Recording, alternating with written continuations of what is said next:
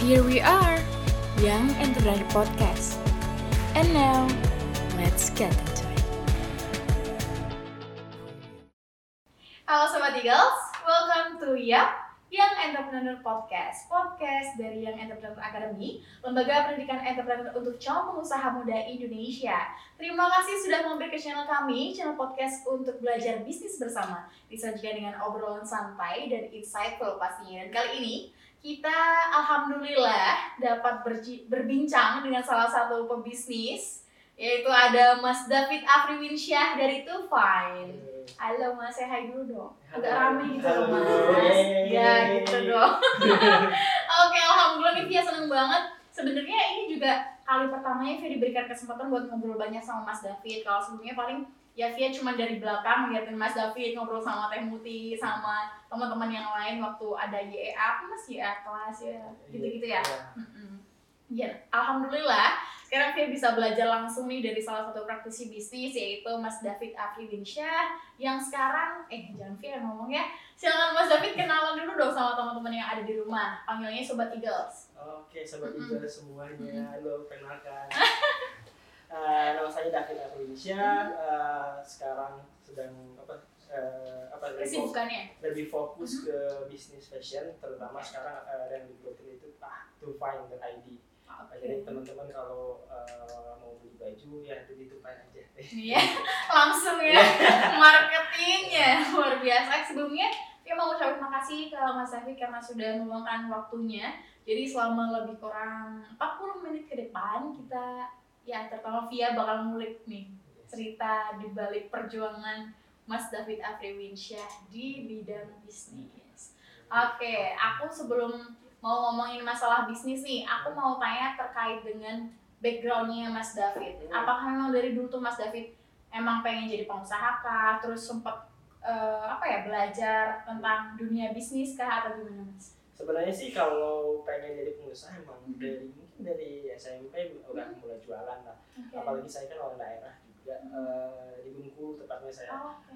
Bengkulu Selatan di sana itu eh, saya di apa ya diamanahin sama orang tua ini ada Hmm. kebun kebun kakao coklat Oke, jadinya nanti coklat. Eh, ya setiap tiga hari sekali tuh ngambil kak- eh, apa buah-buah kakao terus dijemur dijualin dapat uang jajan gitu nah sampai sekarang ya alhamdulillah sih masih tetap jiwa sebagai pengusahanya tetap ada Ada, ya. walaupun selama perjalanan mau jadi pengusaha itu tuh selalu ditentang sama orang tua Oh.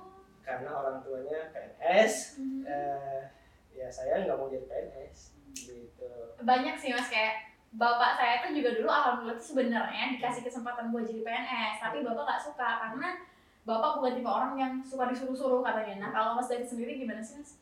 Eh, sebenarnya sih kalau saya sendiri tuh ya ada cita-cita mulia lah Oh. Eh, jadi eh, kalau di daerah itu kan eh, lapangan pekerjaan itu susah banget ya. Hmm. Eh, dan yang paling dibanggakan itu PNS nah, Hmm. PNS tapi eh, selain dari PNS itu nggak ada lagi pekerjaan lain. Ya paling jadi petani. Jadi tuh saya ngeliat tuh anak-anak muda tuh ya kalau nggak nganggur ya jadi eh, ini apa ya jadi PNS tapi akhirnya eh, kalau datang ke maaf ya ngomong ke kantor kantor pemerintahan kan kerjanya emang pingpong sebenarnya kalau main pingpong tuh di sorry ya. Kalau ngomongin masalah pingpong gitu gitu sebenarnya nggak cuma di pemerintahan sih dia aja mainnya pingpong mas. Siap. tapi Ya. catatannya kamu mainnya kalau emang di luar jam dan emang tidak ada hal yang harus dilakukan gitu. oke jadi itu alasannya ada cita-cita mulia ya mas. Apa pengen ciptain lawan pekerjaan kan Iya, eh, kalau saya sih pengen eh, pengen menciptakan lapangan pekerjaan sebanyak-banyaknya lah. Terus eh, apa ya, mengangkat potensi potensi daerah dan Indonesia. Kalau dulu saya itu tuh eh, apa ya leb- eh, terpengaruhnya karena sudah mulai bisa internet dulunya di SMP dua tahun 2004 kalau salah saya udah eh, eh, lab komputer SMP itu saya pakai terus tuh. Nah, bayar nggak tuh ya enggak kan itu teman sama guru SMP. Oh, iya. Jadi kuncinya saya pinjam. Hmm. Nah, jadi pas itu tuh udah mulai baca-baca ya, udah ada. Kalau dulu kan belum ada Facebook tuh, ada yang Friendster, um, uh, MRC dan segala macamnya lah. Uh, terus tuh uh, baca lah uh, Amazon.com waktu itu. Oke. Nah, Amazon.com terus eh, siapa sih yang eh, bikin Amazon? Kok bisa ya eh, seter apa ya bikin Amazon? Padahal awalnya itu hanya jualan buku terus akhirnya jadi eh, e-commerce paling besar di seluruh dunia. Bahkan sekarang kan yang si apa Jeff Bezosnya udah jadi orang paling kaya di dunia gitu.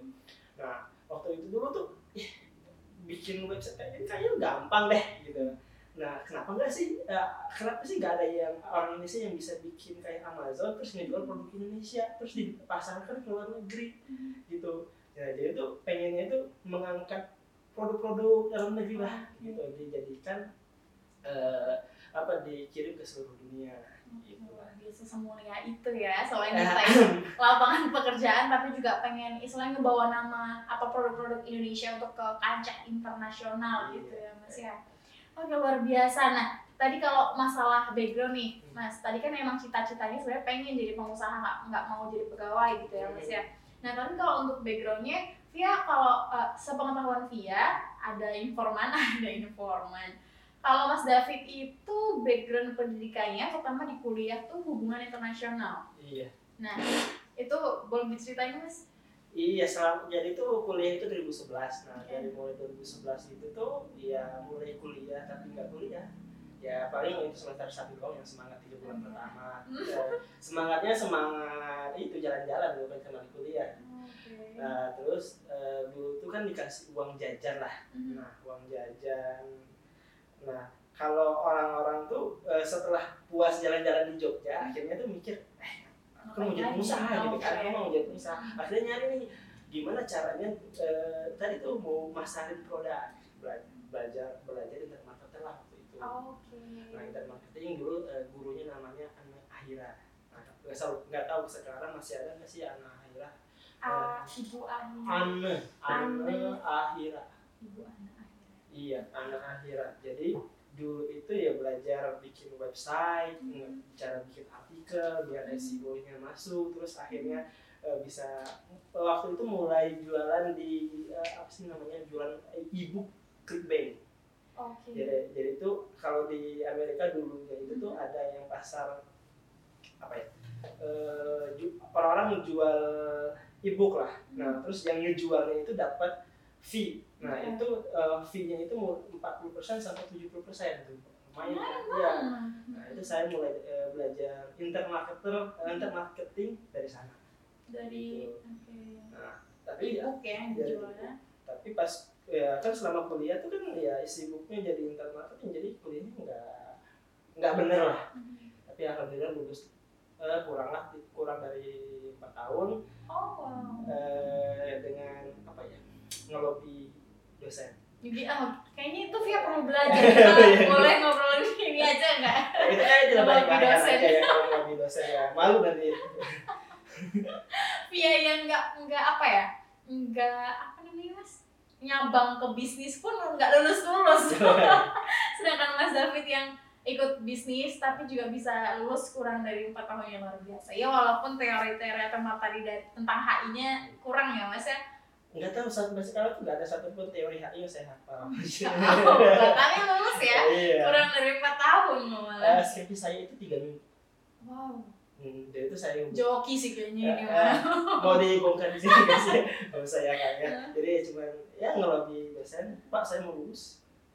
Ya, Oh. ya kan nggak bisa lagi ini udah gak cukup waktunya. Terus gimana pak? Bapak saya eh, jadi itu kan dulu tuh kalau di kampus saya itu ada jadwalnya eh, mau wisuda orang tuh bilang pokoknya kita sekeluarga mau bulan segitu bulan itu mau ke Jogja. Kamu Oke. mau mau wisuda atau tidak wisuda ya udah kita ke sana tuh bulan itu. Jadi ya berarti aku mas misalnya apa wisudanya bulan berikutnya lagi nggak ada orang tua. Eh, akhirnya gimana caranya biar wisuda bulan itu? Tepat gitu. iya gitu. Jadi Tiga minggu. tiga minggu alhamdulillah.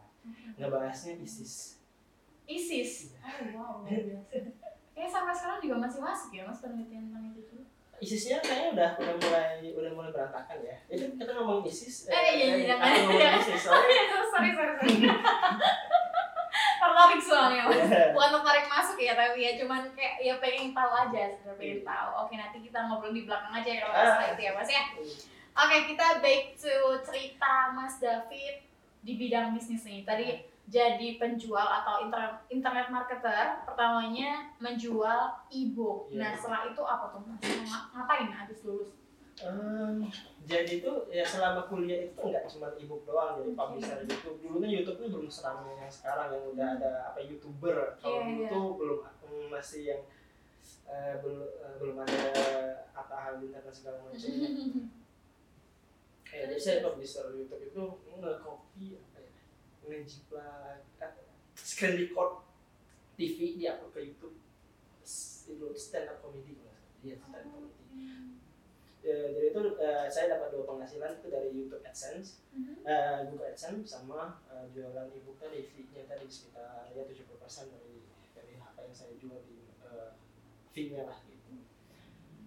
Terus setelah lulus kuliah, sebenarnya sih itu nggak berjalan lu- mulus semua.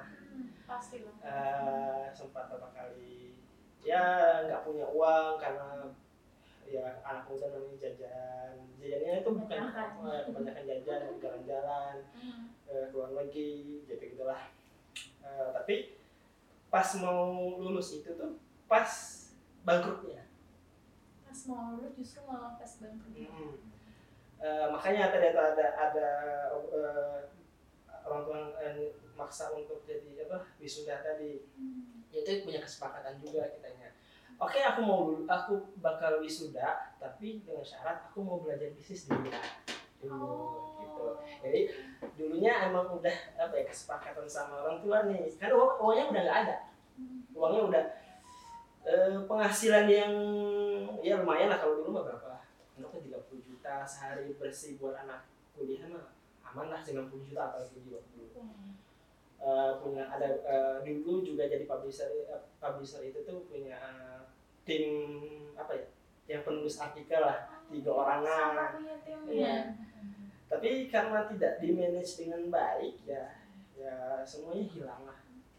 Nah akhirnya pas udah apa ya pusing antara nurusin kuliah apa ngelanjutin bisnis yang ini. Udah eh, bilang sama orang tua pengen belajar bisnis. Eh, ada namanya YA gitu Eh, terus eh, ya udah dibiayain kuliah yang ke YA-nya Eh, udah sel- eh, tapi nggak dibayarin Hidupnya. hidupnya tapi kuliah kuliahin aja gitu. Oke mas, sebelum eh, lanjut nih ceritanya, dulu tahu ya itu dari mana mas?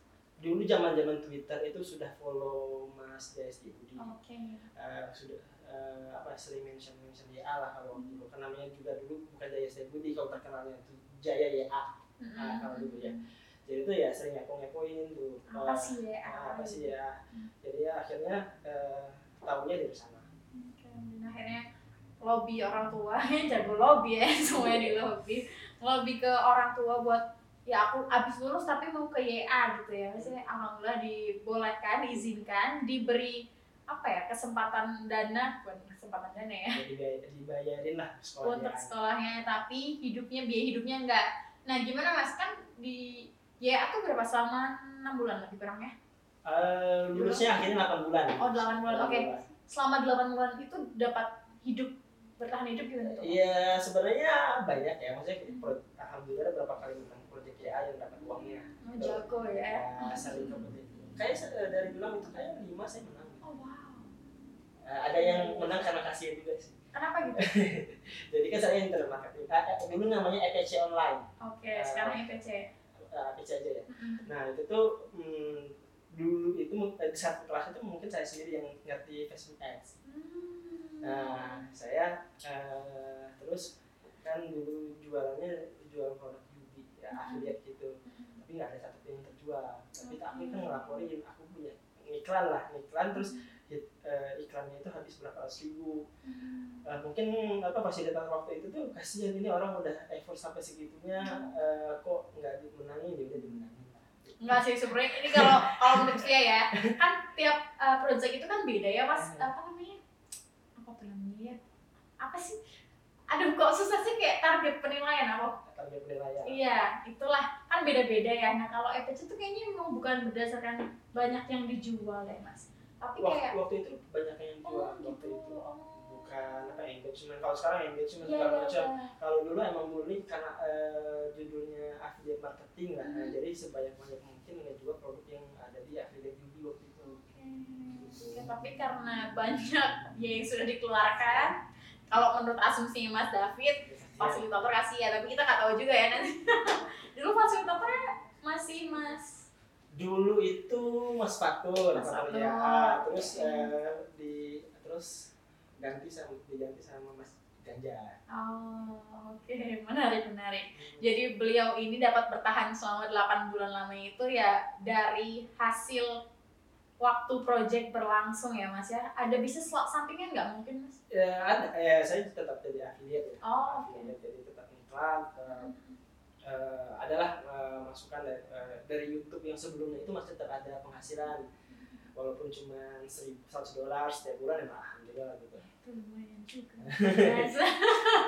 Eh, itu jadi itu terus ada masih ada afiliat afiliat walaupun ada beberapa yang rugi juga tapi tetap Hmm. bertahan sampai sampai pernah nggak nggak makan lah gitu Iya. ya tapi kan karena ya, eh, ikatan keluarga eh, Iya ya ya jadinya makan ya alhamdulillah ada Alhamdulillah, aja ya. kan kalau dulu tuh ngeliat kosnya di di bawah eh, di apa sih gang Icung Picung oke nah itu tuh satu satu kompleks eh, satu kosan itu Oke. anaknya semua berapa gitu Oh. Nah, kalau lagi ada uang mungkin kita bisa patungan bersama untuk beli Hmm. makanan yang mungkin gorengan doang nasinya eh, banyak sedikit. ya jadi dikejar kuantitasnya ya Iya, banyak yang penting kenyang. karena ya alhamdulillah juga emang teman-teman dia ini ternyata bukan bukan cuma siswanya aja mas. Iya. bahkan Via nih kalau misal lagi di kosan nggak ada apa-apa ya udah ke Yaya aja.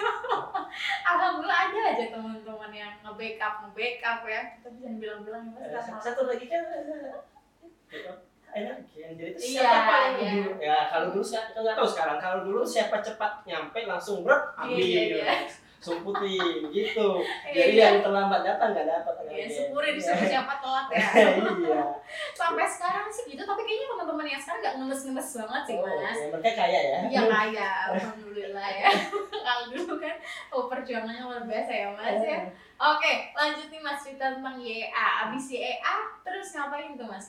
Abis 8 bulan YA. Eh, habis 8 bulan di YA ya langsung bisnis eh, waktu itu tuh emang dari sebelumnya tuh udah mulai ngejalanin all shop dulu jualan Oke. casing HP Oh, casing HP itu jatuhnya eh, desain sendiri kah, bikin sendiri kah, atau reseller aja gitu? eh dari sana aja nah, biar di- belum rame apa dropship dulu saya udah main Hmm. dropship Hmm. main dropship dari, Tokopedia eh, jadi tuh harga harga casing HP nya mungkin dua puluh ribu tiga puluh ribu saya jual sembilan puluh sembilan ribu gitu Gede ya marginnya. I- hmm. waktu dan waktu itu kan orang nggak tahu kalau casing HP semurah yang itu. HPP-nya nggak tahu lah ya. Hmm. Oke, oke, Ya, terus. lumayan, lumayan. Jadi dari dari sana itu ber- bertahan berapa lama ya itu jualan uh, casing HP itu? Pokoknya saya itu sampai 2017 itu dari 2015 sampai 2017 itu jadi dropshipper. Oke. dropshipper mulai dari casing HP eh, terus ada baju baju-baju uh, apa sih namanya tuh anime-anime gitu dijualin Ah, buat cosplay gitu maksudnya tuh.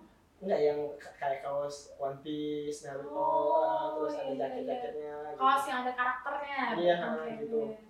Ya udah mulai punya uh, patch dulu customer service uh, karyawannya itu CS aja Oh. Ada, eh, nah dari satu nambah dua nambah tiga gitu terus eh, karena udah mulai bosan dengan market Indonesia dulu. Akhirnya mulai untuk eh, mencoba market luar negeri. Jadi itu dropshipnya dari Cina Hmm. ke ke seluruh dunia. Oh, wow. Apa itu mas ya dropship dropship. Aja apa aja yang Oh. eh, apa pun Yang yang, bisa dijual ah, ya. Di, ya testing terus terus eh, setiap hari testing terus. Eh berapa kali sampai dua tahun kayaknya setahun lebih dikit lah. Lumayan lah untuk waktu itu tuh penghasilan ya omset kayaknya udah satu eman lah. Oh. sampai akhirnya kebentur benar-benar kebentur karena eh, tidak memenuhi syarat. Mungkin kalau dulu kan eh, kalau sampai sekarang kan masih ya, PayPal itu harus eh, ada limitnya terus eh, apa ya eh, ada yang transaksi sera- 100 dolar itu di freeze 1000 dolar di freeze 10 ribu dolar di, di freeze nah nah karena keseringan divisi saya bikin banyak akun akun PayPal gitu untuk menampung uang kalau sekarang kayak eh, kalau kayak rekening banknya lah gitu nah sambil ngurusin yang eh, yang yang divisi ini saya bikin akun baru bikin akun baru sampai akhirnya sampai belasan akun PayPal Wow, bisa ya ah ya ngakalin lah namanya Iya. nah juga buat hidup ya. ya. Heeh. Terus ngakalin ngakalinnya itu ya banyak cara lah sampai akhirnya mentok karena eh, apa ya? Bodoh kali ya. Bodoh banget lah gitu. Kenapa? Em, pengen beli mobil. Mobil Eropa. Iya. iya. BMW seri 3 dari eh, kalau dulu harganya 7 jutaan ya. Ah, gitu. Eh, Dari mukanya kayak antara nyesel iya, nyesel banget itu gimana, gara-gara itu saya nggak eh, karena gara-gara itu saya ngiklan seharinya 200 sampai 300 juta sehari iklannya. Terus di, eh, iya iklan doang. Terus ternyata eh, kan masuknya banyak tuh gara-gara iklannya gede juga, tapi sebenarnya rugi sih. Eh, di freeze lah semua akun bank. Nah, sebelas yang sebelas apa? belasan lah nggak tahu berapa oke. ah, berapa akhirnya mm, nggak tahu lagi caranya gimana cara untuk eh, survive lagi gitu nah jadinya itu tuh eh, kerugian kerugian ya bukan kerugian itu sampai seberapa satu koma tiga eh, satu ya eh, miliaran lah satu koma lah waktu waktu itu. Eh, waktu itu terus ya udah bangkrut ba- bangkrut lah karena uangnya tertahan di tertahan di PayPal.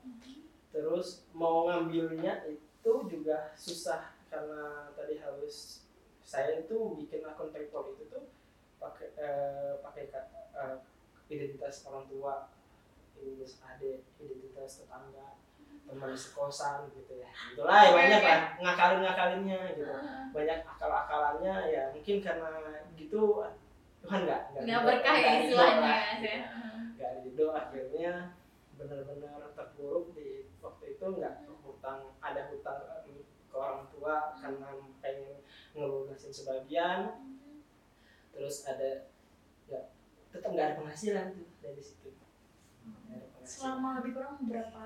Eh, terpuruknya itu ya kayaknya empat bulanan benar-benar terpuruk itu. Kurus banget lah. Dulu nggak makan itu kayak eh, apa ya nyari-nyari receh-receh di kantong. Oh nemu ada eh, beli bakwan di depan. Gitu.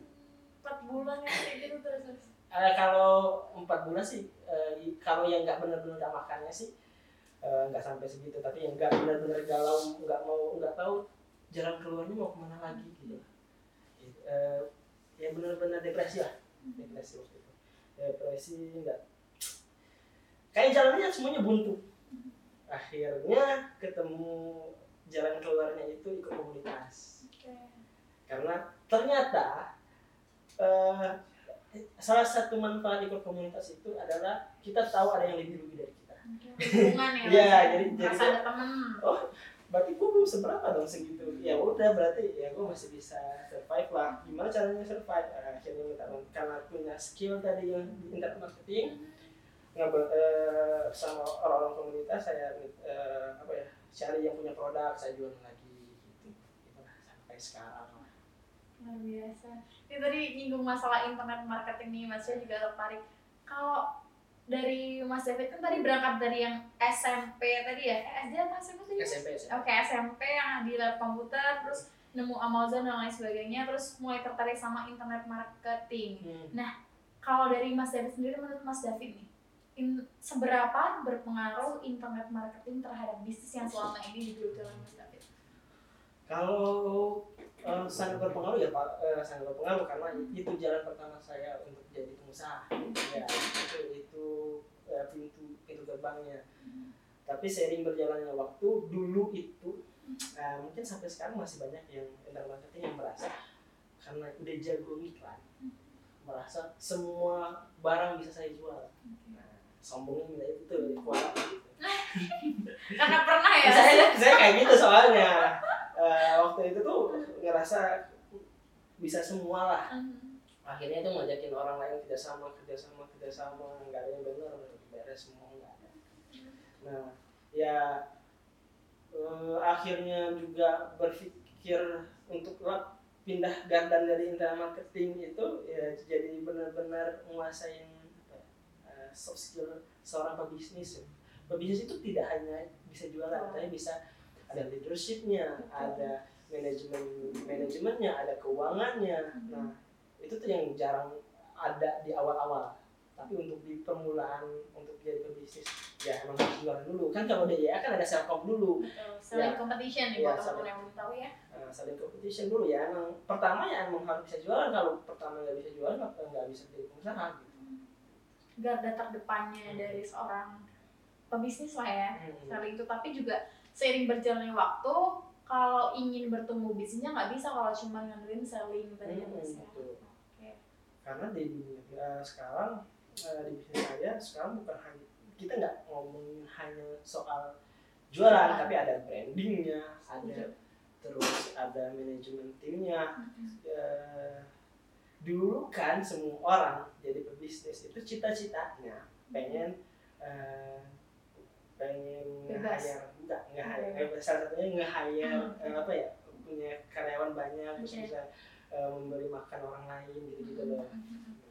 mohon maaf nih iya itu udah banyak tapi udah sejahtera belum karyawan anda kalau kar- gaji karyawan An- anda sejuta setengah di Bandung itu UMR 3,7 gitu kalau dari dulu dia pegawai kamu sampai sekarang dia tetap gajinya segitu-gitu aja berarti kamu nggak berkembang kamu sendiri yang kaya gitu Berarti tadi tujuannya mem, apa ya? mes- menjadi jembatan apa? Angkat cukup orang lain ya istilahnya Iya. belum tercapai ya Mas. iya ya? bagus apa ya Eh, tempat terjebak sama eh, obrolan dengan para tem- teman-teman itu ya, berapa karyawan kamu nah, kan banyak banyakan karyawan gitu. Iya, setuju. Kayak ngerasa uh, makin banyak ya makin proud gitu. Hmm. Terus berjalan di sini tuh ya banyak yang kalau kata Mas J ya eh, karyawan kamu itu cukupin dulu angka cukupnya. Kalau enggak dia bakal maling. Ya benar bakal maling dia nanti, nanti kalau dia nggak di nggak dibayar dengan sesuai dengan gaji Kebutuhan. dia kebutuhan hidupnya gitu. Sampai eh, beberapa kasus saya juga ngasih saham ke karyawan pertama saya. gitu. Karena apa ya? dia berjasa dari awal sampai akhir Nah, sampai sekarang tetap sama saya ya dia juga ngebangun walaupun ya dulunya dia bukan hanya kan hanya CS doang atau dia cuma upload sosial media doang gitu tapi sekarang alhamdulillah dia salah satu stakeholder stakeholder di perusahaan saya gitu ya Oh ya ini mengganggu sebentar masuk sebentar nih pertanyaan Via. Nah kita lanjut ke apa ya Mas ngomongin tadi kan disebutin Mas David ini pernah bangkrut sampai satu eman lebih Hmm. terus tadi sampai depresi empat bulan kayak buntu nggak tahu mau ngapain gitu ya Mas ya. Hmm. Kalau Via nanya tentang titik terendah Mas David di bisnis, apakah pada masa itu juga? Apa mungkin ada yang lebih parah dari itu ternyata Mas? kebetulan sih itu bang Oke. Eh, karena yang sampai yang paling diingat sampai sekarang ya itu kalau perjalanan rugi untung ditipu semua segala macamnya itu mulai dari jualan pulsa pas zaman SMA juga udah udah mulai rugi gitu loh tapi yang paling diingat ya yang yang Nah. kemudian itu karena bekasnya itu tuh uh, ngubah mindset Oke. ngubah mindset.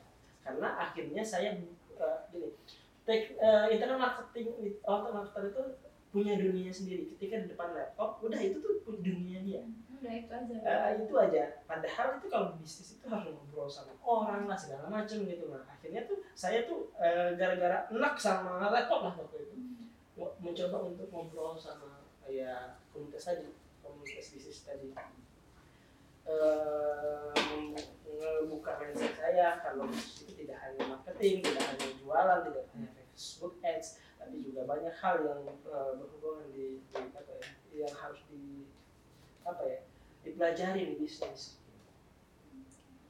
Itu jadi tadi cerita titik terendah ternyata sudah terjawab oleh yang tadi cerita Mas David depresi selama 4 bulan makan aja nyari recehan kalau ada receh juga belinya bala-bala apa gitu ya Mas ya. Iya. Nah, kalau cara Mas David ngatasin titik terendah tadi kan dengan mencari lingkungan yang memang supportive terhadap dunia bisnis ya mas ya. Hmm. jadi mas David ngerasa ada teman dan ya gue ternyata nggak sendiri. Mereka mereka aja bisa berarti gue juga harus bisa bangkit gitu ya mas ya. Nah kalau menurut mas David ada nggak sih cara lain buat teman-teman yang ada di rumah mungkin yang sedang mengalami titik terendah atau pernah dan belum sempat bangkit sampai detik ini Sebenarnya sih eh, salah satunya memang itu memang harus berngobrol karena manusia itu makhluk sosial. Setuju. Karena ngo- ngobrol itu kan menghilangkan beberapa stres yang kita ini. Ya tapi eh, tetap aja balik lagi ke tujuan awal. Kenapa kita mau berbisnis? Nah, ketika saya eh, eh, titik terendah itu tuh tersadarkan lagi ya bisnis itu bukan cuma ngayain diri aku sendiri atau pengen aku kan punya cita-cita mau umrohin orang tua mau mau ngajiin orang tua mau beli orang tua segala macam gitu. Mau nyenengin lah. Atau banyak hal mungkin eh, cita-cita yang lain ya. Ketika ketika inget itu tuh eh, mulai terbuka lagi. Oh iya salah langkah Salah. salah langkah. Oh, salah salah langkah. dulunya itu mentingin diri sendiri padahal dulu cita-cita itu tuh luhur cita-citanya sangat mulia. Tapi kenapa eh, seiringnya sering berjalan waktu jadi malah nyala jadi kayak gini? Itu balik lagi why eh, big why-nya. big why-nya apa? Kenapa kamu eh, mau berbisnis? Gitu. Karena berbisnis dan menjadi menjadi karyawan itu sama-sama mulia tinggal bagaimana caranya kita eh, apa ya bersyukur dengan jalan kita masing-masing dan ya prosesnya itu yang baik ya mas ya untuk mencapai big why-nya tadi. Nah ngomongin big why mungkin teman-teman bisa juga baca bukunya dari Simon Sinek, Simon Simon Sinek. Sinek, eh, Simon Sinek, Big Why. Nah terus tadi juga start sempat with why eh, start with why. Iya iya benar-benar. sorry sorry. Nah tadi juga eh, sempat disinggung masalah ketika udah nemu tujuannya apa, alasannya apa kenapa kamu ngejalani itu dan akhirnya Mas David juga sempat kok malah jadi semak cuman yang dipikirin bisnis buat diri sendiri, mengayakan diri sendiri itu kayak kayak jadi inget ini Mas. eh, materi fondasi bisnis berkah dari Ustadz Zaki. Jadi di situ dijelasin bahwa kita tuh kadang atau sering bahkan lupa apa yang menjadi tujuan kita dan apa yang menjadi yang seharusnya menjadi kendaraan kita. Kayak misal tadi Mas David pengen eh, buat lapangan pekerjaan, itu kan berarti kan bisa jadi jembatan buat orang lain mencapai angka cukupnya. Terus tadi Mas David juga pengen eh, membawa produk Indonesia ke kancah internasional, tapi sayangnya malah akhirnya mungkin ini juga banyak dialami oleh teman-teman lain ya Mas ya. Jadi akhirnya mengayakan diri sendiri, akhirnya lupa sama tujuan awalnya malah berfokus untuk naikin omset ya itu fokus ke kendaraannya bisnisnya tadi hingga akhirnya lupa sama tujuan. Boleh teman-teman yang kepo materi fondasi bisnis berkah nanti kita belajar di YA ya. Atau mungkin ada ngobrol sama Ustadz lagi nggak tahu nanti? Oke mas. Aku mau lanjut nih nanyain apa ya mas ya? Hmm, mungkin tips atau wejangan dari Mas David kalau ngomongin ini kan jadi pebisnis itu kan pilihan ya Mas ya. Eh tapi sebelum itu aku mau tanya dulu deh ke Mas David. Mas David kalau misal nih Mas David nggak jadi pengusaha, Hmm. kira-kira Mas David itu jadi apa sekarang? kira-kira jadi apa kalau saya dulu sangat dulu sama bapak saya saya jadi sipir penjara sekarang Kenapa gitu? ya soalnya pas zaman zaman bangkrutnya itu uh, utang saya kan eh, lumayan gitu ya. Terus pulang ke rumah ngobrol eh, bapak eh, bangkrut lagi. Bangkrut lagi. Berapa kali? Terus eh, ini ada lowongan nih jadi itu penjara di daerah. Terus gajinya sekian. Terus nego lagi sama ngobrol sama bapak. Pak gaji PNS itu 3 juta. Aku sekian sekian ratus juta mau berapa ratus tahun aku jadi pe- pegawai buat bayar itu. Aku tuh nggak mau jadi itu. Ya mungkin ya kalau eh, tapi karena emang dari dulunya emang suka ngelawan lah ya. Kalau mungkin eh, banyak teman-teman di sini yang ngelawan orang tua. Kenapa orang tua tuh kekeh sama pilihannya mereka? Karena dia belum punya eh, kita belum ngasih bukti. Tapi ketika kita sudah ngasih bukti orang tua itu dulu Iya. Orang tua itu pasti pengen anaknya itu seneng. Eh, jadi agak terharu jadi Iya. ya. Iya kalau ngomongin orang tua juga ini mas. Eh, tapi eh, orang tua itu pasti pengen anaknya bahagia. Tapi eh, karena kita belum pernah nunjukin suatu keberhasilan ke orang tua jadi itu orang tua tetap sama pilihannya. Karena mereka menganggap ya pas zamannya dia yang berhasil itu tuh ya jadi itu Yang dikatakan sukses itu ya. Ya, kalau bahasa dari saya itu belum jadi orang tuh kalau Hmm. belum kalau belum jadi NS nah, Hmm. nah jadi ya akhirnya bangkit lagi itu apa yang saya lakukan pertama kali ya alhamdulillah saya udah eh, bayarin orang tua umroh Hmm. akhirnya eh, setelah itu kan eh, sudah luntur tuh nggak pernah lagi ngomong ngomongin mau jadi PNS segala macam nggak pernah lah nggak ya udah terserah kamu hidup kamu kamu udah tahu jalan Oh, ini bener-bener ini Via setuju banget sih. Sebenarnya orang tua kita semua insya Allah ya tanpa terkecuali tuh memang cuman pengen anaknya hidup bahagia dan nggak ngerasain susah atau kesulitan sebagaimana yang orang tua rasain.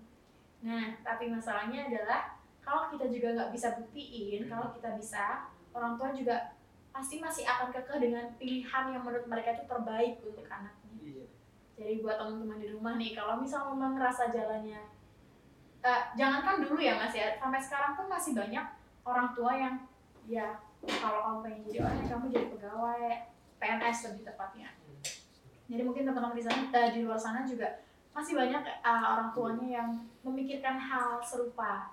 Tapi kalau memang misalnya teman-teman ngerasa jalannya teman-teman bukan di situ dan di bisnis nih misal, Hmm. silakan aja, jalanin aja gitu ya mas ya Mm-mm. yang penting buktiin gitu ya mas ya. Iya, eh, doa orang tua pasti beriringan dengan dengan eh, dengan apa yang kamu kerjakan. Walaupun dia apa ya, tetap kekeh sama pilihannya dia waktu eh, berantem, orang tua tetap bisa doain kalian. iya Pasti. Eh, em, akhirnya em, tahu itu tuh setelah setelah itu apa setelah berhasil eh, eh, memberikan sesuatu ke orang tua itu akhirnya Hmm. Curhat lah, dia ngobrol. Akhirnya pernah ngobrol apa sama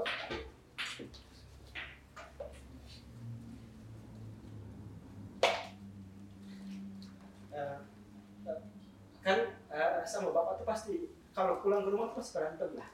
Berantem terus. Pada akhirnya tuh.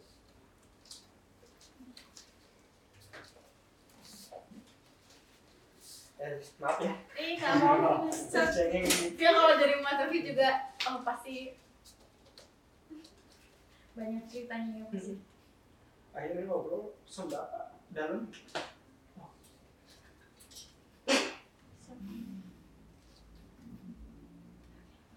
Buat teman-teman pasti juga teman-teman ya mungkin ada yang mengalami hal serupa sama Mas David.